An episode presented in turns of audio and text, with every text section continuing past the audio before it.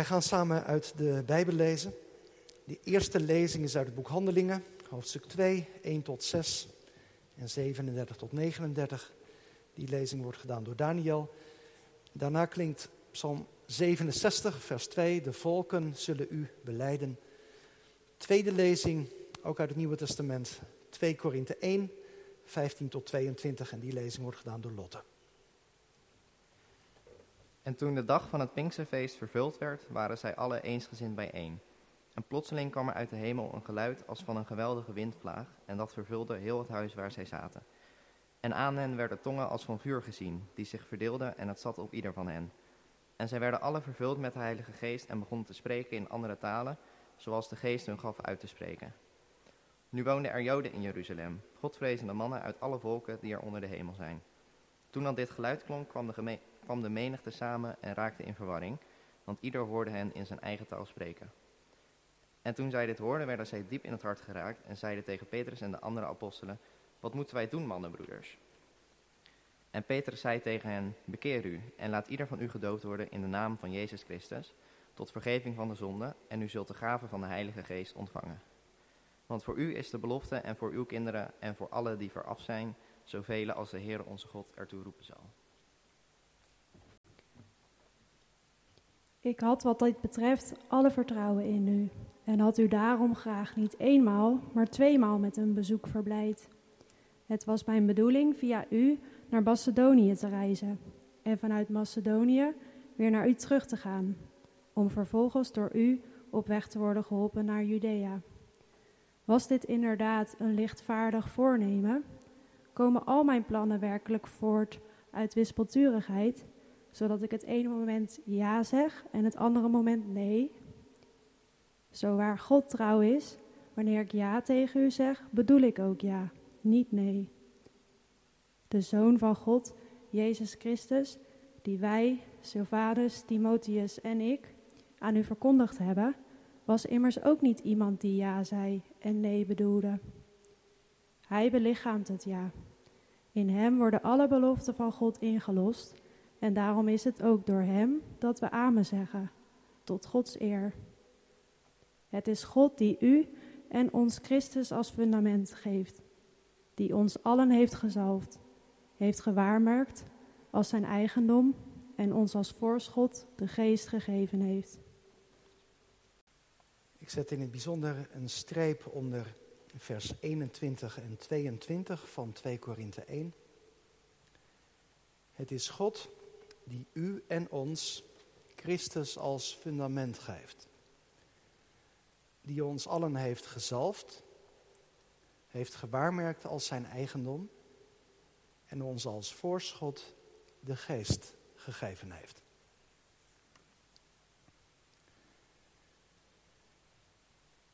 Beste beleidingskattegezanten, gemeente van Christus. De kinderen zongen net, wij gaan op weg de wereld rond, er is geen houden aan. De woorden gaan van mond tot mond voor ieder te verstaan. Pinksteren is het feest waarop het evangelie van Jezus Christus de wereld ingaat. Het begint in Jeruzalem, dat lazen wij met elkaar waar op die eerste Pinksterdag 3000 mensen zich laten dopen. Kort daarna volgen nog eens 500, 5000 mensen en dat is nog maar een begin. Want je zou kunnen zeggen, vanaf dat moment wordt de cirkel steeds wijder. Vanuit Jeruzalem gaat het naar Samaria, naar Klein-Azië, naar Griekenland, naar Italië. En dwars door de weerstand heen draagt het evangelie vrucht. Worden er telkens nieuwe mensen aangeraakt door de geest. En keren zich om tot Jezus Christus. Rond het jaar 700 wagen zendelingen vanuit Ierland de oversteek naar de lage landen aan de zee. Onder hen is een zendeling met de naam Willy Brood. En hij brengt hier in ons land het evangelie van Christus. En ook hier draagt het vrucht. Mensen laten zich dopen en geven hun leven aan Christus. Er ontstaan gemeenten, er worden kerken gebouwd. Ook in Gouda, ergens in de 13e eeuw. En vandaag staan jullie hier om beleidenis te doen. Laat even indalen hoe bijzonder dat is. Je voegt je daarmee in een ontelbaar lange rij mensen die jullie al zijn voorgegaan. En dat allemaal omdat de geest van God is uitgestort. En daarom dacht ik, wil ik deze preek beginnen met een lofprijzing. Het is niet jullie prestatie dat je hier staat vandaag, dat weet je zelf ook wel. Alle eer aan God. Aan God die ervoor koos om zijn liefde niet voor zichzelf te houden. Hij was het die deze wereld in het aanschijn riep. En ook toen de mensen zich van hem afkeerden, bleef zijn hart uitgaan naar de wereld, naar de mensen. Hij koos Israël uit, maar altijd bleef de hele wereld het perspectief. Geprezen zij God, de Vader. En zo lief had deze God de wereld, dat Hij zijn Zoon gegeven heeft, opdat ieder die in Hem gelooft eeuwig leeft. Geprezen zij God de Zoon. En door de gave van zijn Heilige Geest kan iedereen delen in de vrucht van het Evangelie. Geprezen zij God, de Heilige Geest. Vader, Zoon en Heilige Geest. Alle lof, eer en aanbidding komen u toe. Het is door de uitstorting van de Heilige Geest dat jullie vandaag beleidenis doen. Je zegt ja tegen God. Maar wat betekent dat precies? Welke impact heeft dat op je leven? Ik vond op die vraag een mooi antwoord in 2 Korinthe 1. Heel kort iets over de achtergrond van dit hoofdstuk. Best ook ingewikkeld, denk ik, als je het zo voor de eerste keer hoort. Het gaat in 2 Korinthe 1 over de vraag of de schrijver van deze brief, dat is Paulus, of hij wel betrouwbaar is. Het was twee keer gebeurd dat hij plannen had gemaakt om op bezoek te komen in Korinthe. En twee keer moest hij zijn plannen herzien. Hij zegt daar iets over in vers 15 en 16. En de mensen in Korinthe die waren daar verontwaardigd over. Die zeiden, die Paulus die neemt zich van alles voor, maar hij doet het niet. Hij zegt het een, hij doet precies het ander. Kun je hem eigenlijk wel vertrouwen? En wij voelen dat heeft ook invloed op het gezag van Paulus als apostel. Het leidt niet alleen tot gebrek aan vertrouwen in zijn persoon, maar ook tot wantrouwen aan zijn boodschap over Jezus. Nou, en ik weet niet of je dat oppikte, maar om dat verwijt te weerleggen gebruikt Paulus heel stellige woorden. Moet je kijken in vers 18. Dat vers begint met zo waar God trouw is. Waarschijnlijk gaat het om een soort eetformule. Paulus bedoelt, zo waarachtig God betrouwbaar is, zo waarachtig ben ik dat ook als dienaar van deze God. Omdat mijn zender te vertrouwen is, daarom ook ik als zijn gezondene. En dan in het vervolg gaat Paulus een beetje spelen met de woorden ja en nee. Die mensen in Korinthe die verweten hem ja te zeggen, nee te doen. Maar zegt Paulus, ik sta in dienst van Jezus Christus. Ik ben helemaal op hem betrokken, met hem verbonden. En Jezus is niet iemand die ja zei en nee bedoelde. Jezus is niet wispelturig of onbetrouwbaar. Jezus, zo staat het aan het einde van vers 19, Jezus belichaamt het ja. Dus Jezus is het ja van God. Het ja, de vervulling van Gods belofte. Maar daarin ook het ja tegen mensen. Laat ik het zo zeggen, in Jezus zegt God vandaag ja tegen u, tegen jou, tegen mij. Nou, jullie zeggen vandaag ook ja. En uh, hoe, hoe kom je daartoe, zou iemand aan je kunnen vragen. Misschien is die vraag je ook wel gesteld in de afgelopen dagen, weken. Of misschien komende week dat iemand daar benieuwd naar is. Hoe kom je daartoe? Hoe, hoe kom je daartoe om ja te zeggen in het midden van de kerk? Ehm, ja tegen God, tegen Jezus? Nou, dat doe je niet omdat je zelf altijd zo sterk gelooft, toch? We hebben elkaar wel een beetje leren kennen, maar volgens mij was er nou niemand die zei van jullie, ik heb eigenlijk nooit zo mijn twijfels. Nooit mijn vragen over, over God, over geloof. Altijd zeker, nee. Je gelooft, je beleidt niet vandaag dat je altijd zelf zo sterk gelooft. Ook niet dat je volmaakt bent, daarom sta je hier vandaag ook niet. Ook niet omdat je geen vragen hebt. Nee, je zegt vandaag ja omdat God in Jezus eerst ja tegen jullie heeft gezegd. Gods ja gaat vooraf aan jullie ja. Zijn liefde ging ons voor. Hoe lang je misschien in je leven ook nee hebt gezegd.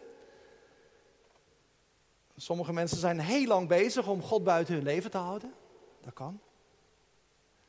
Maar het ja van God gaat er altijd nog aan vooraf. Een eeuwigheid aan vooraf zou je kunnen zeggen. En nou ja, dat zou ik vandaag eigenlijk aan ons allemaal ook willen zeggen. Aan u en jou thuis. Hoe ver je ook bij God vandaan leeft misschien. Hoeveel twijfels je ook hebt. Hoe vaak je misschien ook wel bent afgewezen in het leven door mensen.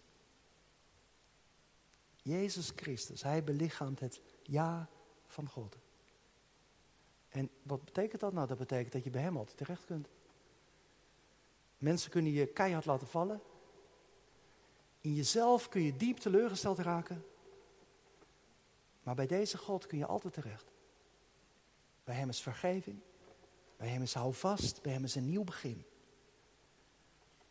De basis van jullie beleidenis ligt niet in jezelf, maar die ligt in Jezus Christus. Hij belichaamt het ja. Of met de woorden van vers 21, onze tekst, hij is het fundament. Jezus Christus geeft vaste grond onder je voeten. Nou, in het vervolg gaat de apostel daar dan nog wat meer woorden aan geven. Wat betekent dat nu om Jezus Christus te kennen? Wat doet dat met je leven? Wat gebeurt er dan met je? Nou, als ik. Best ingewikkelde tekst. Dat realiseerde ik me eigenlijk hoe langer hoe meer ik ermee bezig was. Soms dan maak je een keuze en dan kun je op een bepaald moment niet meer terug. Best een moeilijke tekst. Ik ga proberen hem zo duidelijk mogelijk uit te leggen. In vers 21 en 22 worden drie woorden gebruikt. Drie woorden die van toepassing zijn op mensen die verbonden zijn met Jezus. Wij zijn gezalfd, staat er. Wij zijn gewaarmerkt en wij ontvangen de geest. Dat zijn dus de drie punten die ik nu nog wat verder ga uitwerken. We zijn gezalfd, we zijn gewaarmerkt en we ontvangen de geest. We zijn gezalfd. We weten vanuit het Oude Testament dat bepaalde groepen mensen ook wel gezalfd werden. Koningen, priesters, soms ook profeten.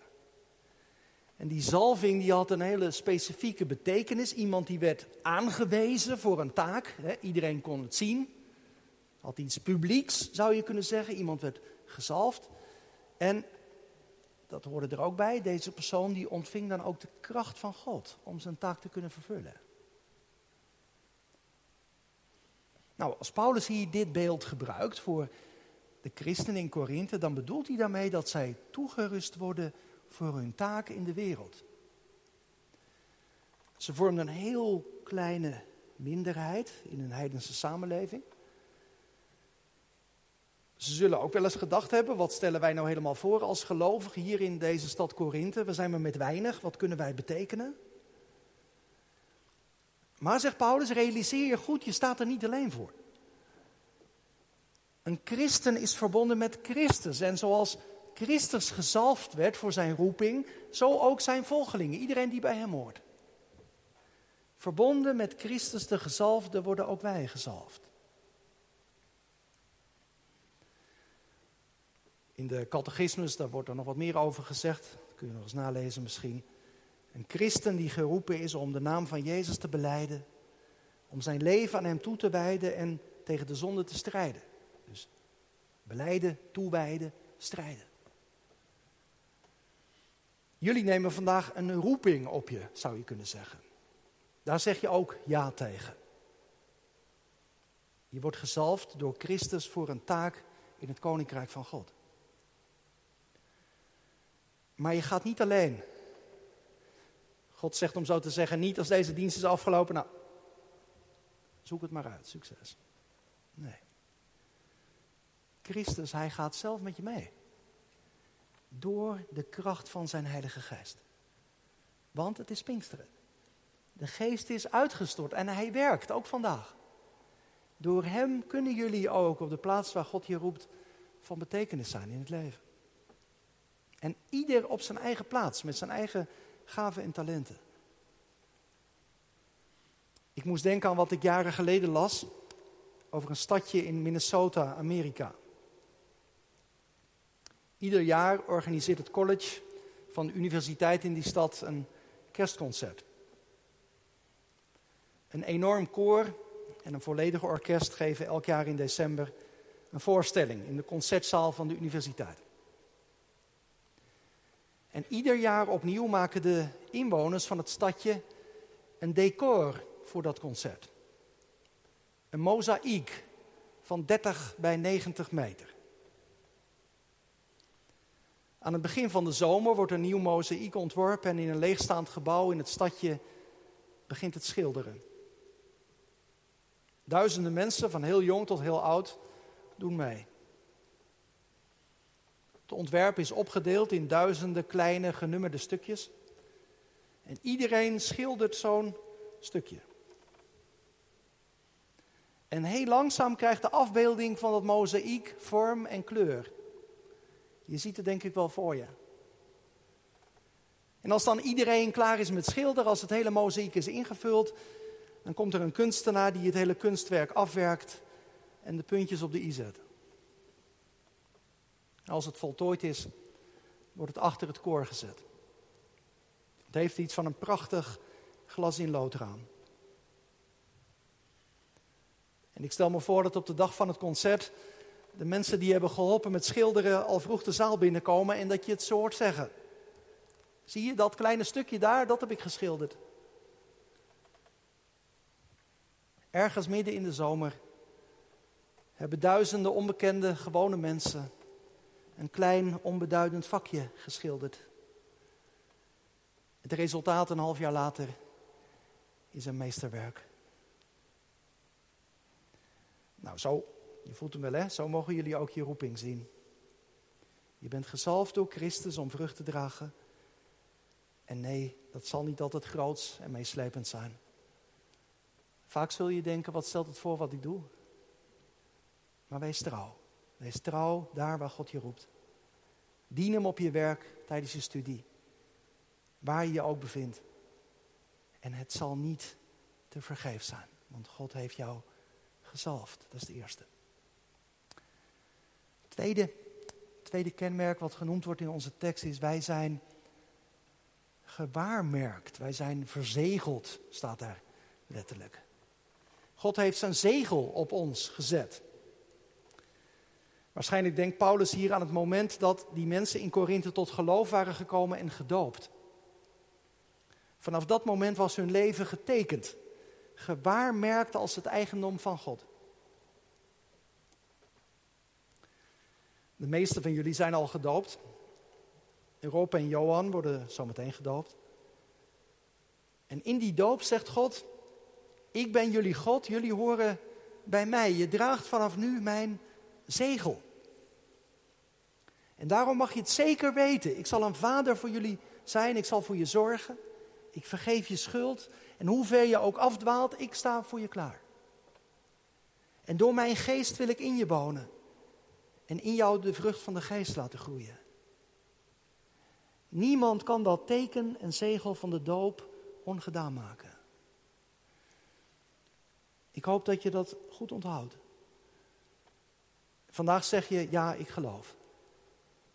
uit volle overtuiging of meer aarzelend als een eerste stap. Maar vergeet nooit dat God al is begonnen. Hij zei al ja. En in de doop laat hij dat ook zien. Dat hij de eerste is. Dat de naam van de Vader, de Zoon en de Geest onlosmakelijk met jullie leven verbonden is. En dat is het allerdiepste wat je over dit leven kunt zeggen. Hoeveel overwinningen of nederlagen je ook zult behalen. Of je in het leven nu heel erg op de voorgrond zult treden of juist meer iemand bent van de achtergrond. Dit is het allerdiepste. Je bent niet van jezelf. Je bent van de drie enige God. Je bent verzegeld als zijn eigendom. Hij zorgt voor je. Je bent bij hem veilig. En wat er ook gebeurt, niemand kan je uit zijn hand losrukken. Verzegeld. Derde, derde kenmerk van het leven met Christus, zoals de apostel dat hier noemt. God heeft jullie als voorschot de geest gegeven. Het woord voorschot, begreep ik, heeft een achtergrond die met de handel te maken heeft. In Korinthe, plaats waar heel veel gehandeld werd, kon iedereen dat goed begrijpen. We kennen trouwens het verschijnsel nog wel. Bij een hele grote aankoop, dan wordt er een aanbetaling gevraagd. Dus als je ergens 1000 euro voor moet betalen, 2000, dan betaal je alvast een aanbetaling. En door dat voorschot te betalen, maakte de koper duidelijk dat hij het volledige bedrag zou betalen. En vanuit het perspectief van de verkoper, zo'n voorschot was de garantie dat hij op een dag ook het volledige bedrag zou ontvangen. Nou, op die manier is de Heilige Geest ook een voorschot. In Romeinen 8 zegt Paulus iets vergelijkbaars. Dan zegt hij: Wij hebben de eerstelingen van de Geest. Hij bedoelt, in de Heilige Geest ontvangen wij heel veel. De verbondenheid met Christus, het nieuwe leven, de vrucht van de Geest, de gaven van de Geest. Maar God belooft tegelijk, er komt nog veel meer, er komt nog veel meer. Eenmaal zal hij, om zo te zeggen, de volledige redding uitbetalen. Zo staat het ook in vers 20. In hem worden alle beloften van God ingelost. De volkomen redding, die komt nog. Wij zeggen wel eens, Pinksteren, dat is het laatste van de grote feesten die wij in de kerk vieren. Zo advent, en dan heb je kerst, Pasen, hemelvaart, Pinkster, het laatste feest. En dan komt de feestloze tijd. Een akelig woord eigenlijk. Het klopt ook niet. Pinksteren is niet het laatste feest. Want met Pinksteren schenkt God zijn geest en daarmee zegt hij, er komt nog veel meer. De geest als een voorschot. Er komt nog veel meer en dat zullen wij ontvangen als Christus terugkomt. Dan komt de volkomen verlossing. Dan is er geen zonde meer en geen pijn en geen tranen en geen dood. Maar een eeuwige vreugde in de aanwezigheid van God. Dan zal zijn koninkrijk in volle glorie schitteren. Hoe jullie leven ook zal lopen, niemand die het weet. Maar ik hoop dat je dit perspectief altijd voor ogen houdt. Het komt goed, want Gods rijk breekt door zo zeker als de geest is uitgestort. Het is gebruikelijk om mensen die beleidenis doen een geschenk te geven. Je krijgt straks van de kerkraad een boek. Dat is geen verrassing, want dat heb je zelf uitgekozen. Uh, misschien krijg je nog andere geschenken. Mensen sturen kaarten om mee te leven. Maar het mooiste geschenk ontvang je van God zelf. Christus als fundament. De zalving om in zijn dienst te staan. Het zegel van Christus op je leven. En als voorschot de geest. Kortom, God stuurt jullie niet met lege handen op pad. Hij geeft alles wat je nodig hebt. Wat een trouwe, genadige, liefdevolle God. Inderdaad, je wilt toch niets liever dan ja zeggen tegen Hem. Eer aan de Vader en aan de Zoon en aan de Heilige Geest. Halleluja. Amen.